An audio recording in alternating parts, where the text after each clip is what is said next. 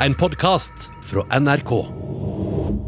Det er mørkt, og rullesteinene er speilglatte når en enslig fisker tar seg fram til et av sine vante fiskesteder i vannkanten på Karmøy. Plutselig får han øye på en bylt med barnetøy.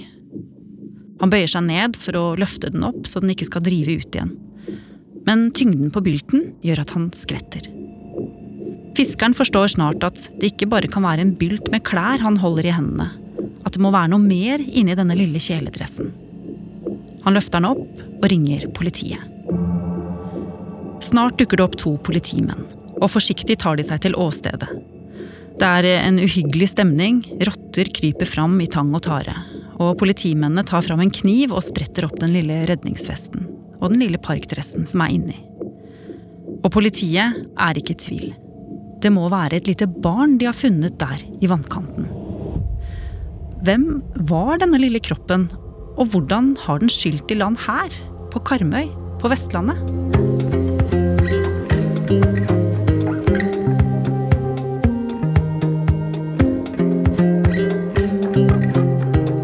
Du hører på Oppdatert. Jeg heter Ragna Nordenborg. Det var rett over nyttår, og så satt jeg og leste nyheter på nrk.no, og plutselig så så jeg noe som jeg stussa veldig på. Mona Myklebust er journalist i NRK og har fulgt historien om barnet i fjæra på Karmøy. Det sto at levninger av et barn var funnet på Karmøy. Og små barn skal jo ikke drive i land på strender, tenkte jeg. Hm. Det var jo mange som skrev om denne saken, og det vi fikk vite var at eh, det tydet på at barna hadde ligget lenge i vannet. Og det var mer snakk om måneder enn om dager. Mm. Det var ikke noe som tydet på at det var en straffbar handling som lå bak også. Og så var det dette med klærne og den redningsvesten som var utenpå. At det kunne se ut som at det ikke var typisk norske klær. Og Mona, dette vil jo du finne mer ut av. Hva var det du gjorde helt sånn konkret? Da ringte jeg til politiet, og det var ikke så mye de kunne fortelle meg på telefon, så da bestemte jeg meg for å dra dit og treffe dem. Og det de kunne eh, fortelle, var at de hadde en teori om at barnet var fra utlandet. At det ikke var et norsk barn, for de hadde fått mange tips om at funnet av dette døde barnet det kunne ha en sammenheng med en ulykke noen måneder tidligere. An attempt by migrants to cross the channel from France has resulted in tragedy after two adults and two children died when the boat carrying them sank. 27. oktober dro en båt med flyktninger fra kai rett nord for Calais i Frankrike. Målet var England, bare noen kilometer unna. En flyktning styrte båten mot å kunne få overfarten gratis. Om bord var en barnefamilie fra den delen av Kurdistan som ligger i Iran. Mamma Shiva, pappa Rasul og søsknene Armin og Anita og lille Artin på ett og et halvt år. Men raskt blåste det opp, og den overfylte båten fikk problemer. Og mange ba om at båten måtte snu. Men det skjedde ikke, så for å beskytte barna tok mamma Shiva med seg Artin og de andre ungene ned under dekk. Det skulle bli et skjebnesvangert valg. For like etter kantret båten, og vesle Artin, moren og søsknene ble sperret inne i båten. Pappa Rasul og de andre kjempa desperat for å få dem ut. De dykka under båten og forsøkte å knuse vinduer og åpne døra, men til ingen nytte. Og da redningsmannskapet kom, var det for seint. Their journey for a better life started and ended together. Razul Iran Naja died with his wife Shiva and their children. Anita was nine, Armin was six. Their smiling 50 month old boy Artin is still missing. Men yngstemann Artin på 15 måneder ble aldri funnet. Og nå tipset altså folk politiet om at det kunne være Artin som hadde drevet i land i Norge. Men Mona, kan et barn virkelig flyte hele veien til Karmøy fra Den engelske kanal? Ja, det lurte jeg også på. Eh, og det måtte jeg prøve å finne ut av. Og politiet hadde også fått informasjon om dette. Og de satte meg i kontakt med Knut Frode Dagestad. Han er rett og slett en ekspert på havstrømmer og drift i havet, og jobber på Meteorologisk institutt i Bergen. Og ved å bruke noen avanserte ja, simuleringsmodeller, så kom han fram til ja, et barn kan flyte helt fra kanalen mellom England og Frankrike til Rogalandskysten i Norge. Så i teorien så kunne det være lille Artin som ble funnet av politiet i fjæra på Karmøy? Ja, det kunne det. Men en sånn datamodell sier jo ikke noe om hvem det døde barnet er, om det er lille Artin som er savnet etter dette forliset. Og derfor så ble jo det døde barnet obdusert, og da fikk man tatt en DNA-prøve.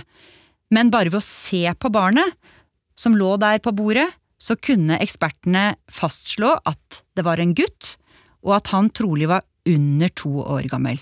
Mm. Og dessuten, barnet som lå der, hadde en blå parkdress, en sånn liten kjeledress som barn bruker på vinteren og den var helt lik bildene som fantes av Artin som var savnet i Den engelske kanal. Dressen var så å si identisk. Hm. Og jeg ble jo veldig nysgjerrig på denne lille gutten og familien hans. Hva, hva var bakgrunnen for denne tragedien, og hvem var disse folkene? Og kolleger av oss eh, i NRK Vestland de hadde allerede tidlig i januar skrevet om dette forliset i Den engelske kanal, og den mulige koblingen til den døde gutten på Karmøy. Mm. Så de tipset meg om BBCs dekning av saken tre måneder tidligere. For i Storbritannia var båtforliset i Den engelske kanal blitt en stor sak, som mange fulgte tett. Og BBC-journalister som hadde undersøkt saken, hadde intervjuet flere av de som hadde vært om bord på båten som forliste. All passengers on board were from Sardasht, an economically impoverished and politically oppressed Kurdish border town in western Iran. Og det viste seg at alle om bord var kurdere, og at eh, de alle kom fra et område som het Sardasht. Og det gjaldt også familien til Artin. Og alle hadde reist fra dette kurdiske området i Iran i 2020. Så nå hadde jeg jo ganske mye informasjon. Men jeg ville forsøke å finne familie og venner av dem som kunne fortelle mer. Men så skjønte jeg jo at det kunne bli en utfordring, siden jeg ikke snakker kurdisk. Men heldigvis, en kollega kan det, Lukman Garbani, og han fortalte meg at han selv er vokst opp rett ved Sardasht, denne byen som lille Artin og familien var fra. Sardasht er et fjellområde i Kurdistan-regionen nordvest i Iran, like ved grensen til Irak. Eh, det er vakkert område med høye fjell, trange daler. Eh, om vinteren er det mye snø der. Om sommeren er det veldig pent og frodig der. Men ikke, ikke, ikke fint når det gjelder arbeid. Eh, eller framtiden. Det er lite industri.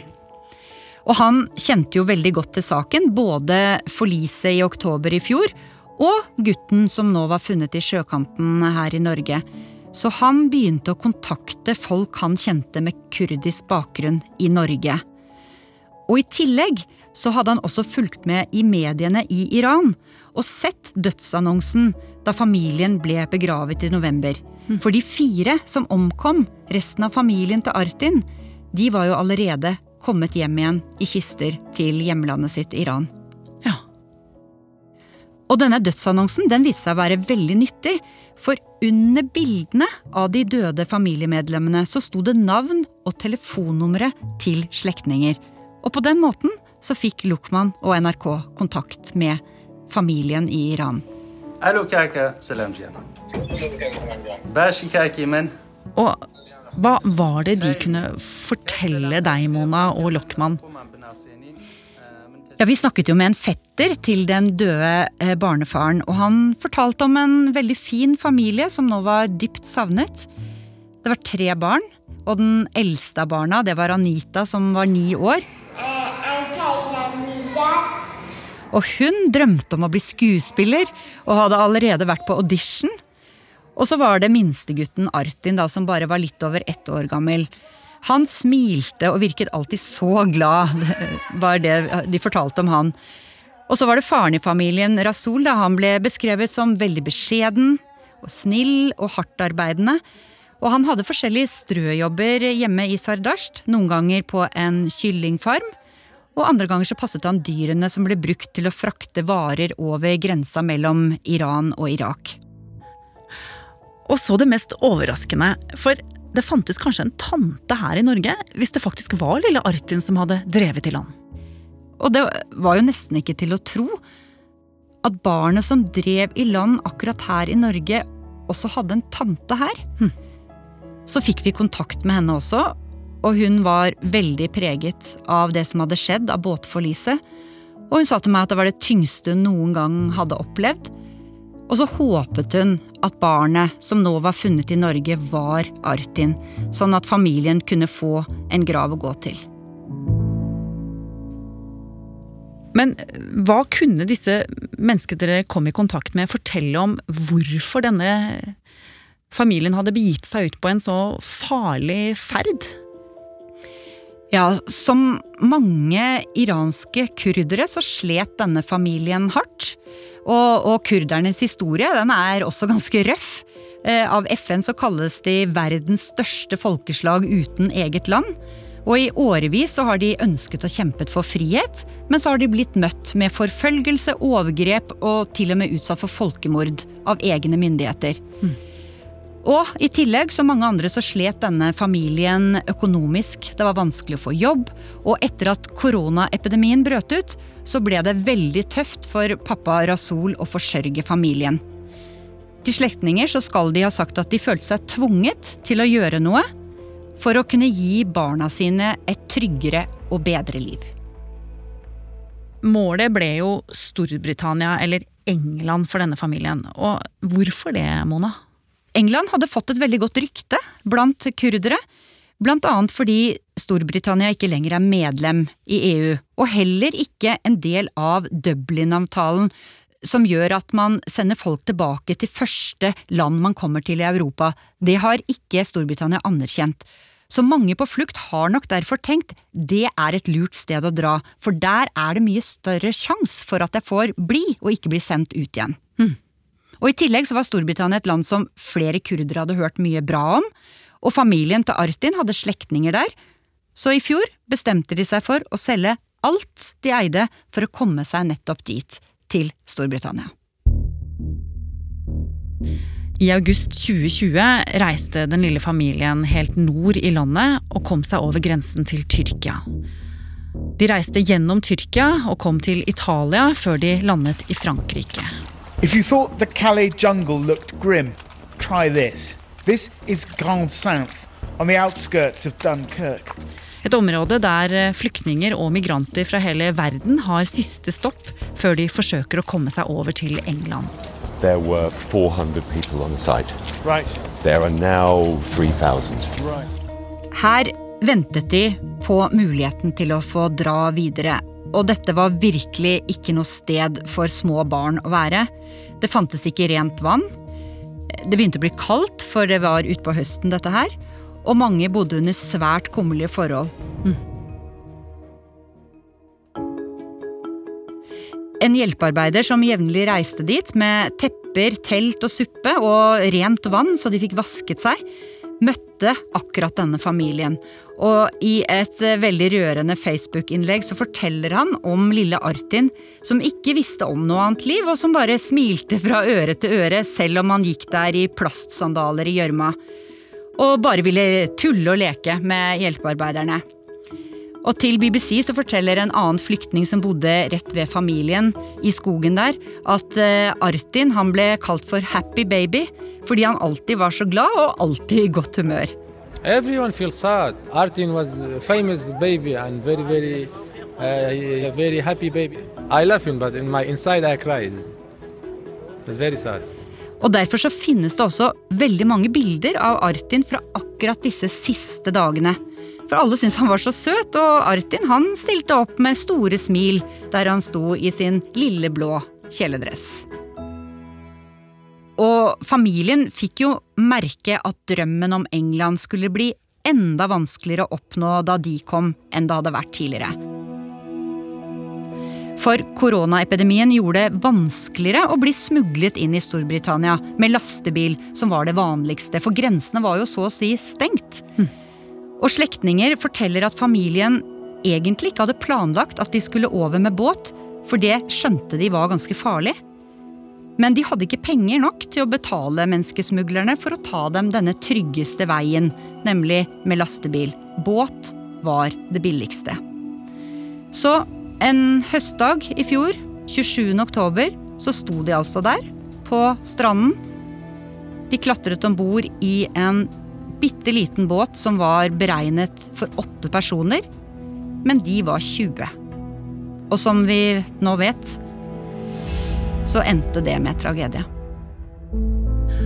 Og lille Artin ble altså ført med strømmen hit til Norge og Karmøy. Ja. Men det er ikke den eneste familien som har lagt ut eh, på en reise, enten som migrant eller flyktning. Nei, det er egentlig helt utrolig, for det, i koronaåret 2020 så har det aldri vært flere mennesker på flukt. Og i Den engelske kanal så kokte det, var det flere som beskrev det som. Over 8000 mennesker kom seg fra Frankrike til Storbritannia i små båter over kanalen i 2020. Og det er en sterk økning fra f.eks. to år tidligere, hvor det bare var 300 stykker. Hm. Og hele verden satte egentlig en dyster rekord i 2020, ifølge FN. Aldri før har det vært så mange mennesker på flukt. 80 millioner mennesker.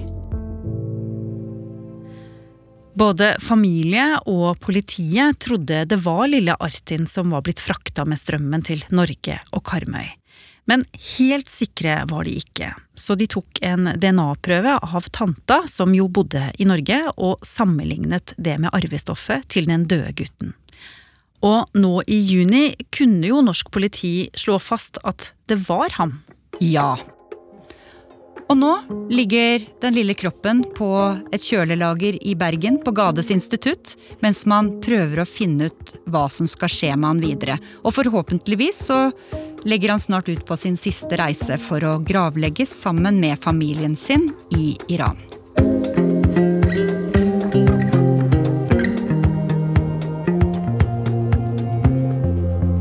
Har du lyst til å bli fast lytter av oss i Oppdatert og få påminnelse om nye episoder, er det bare å følge oss i NRK radioappen.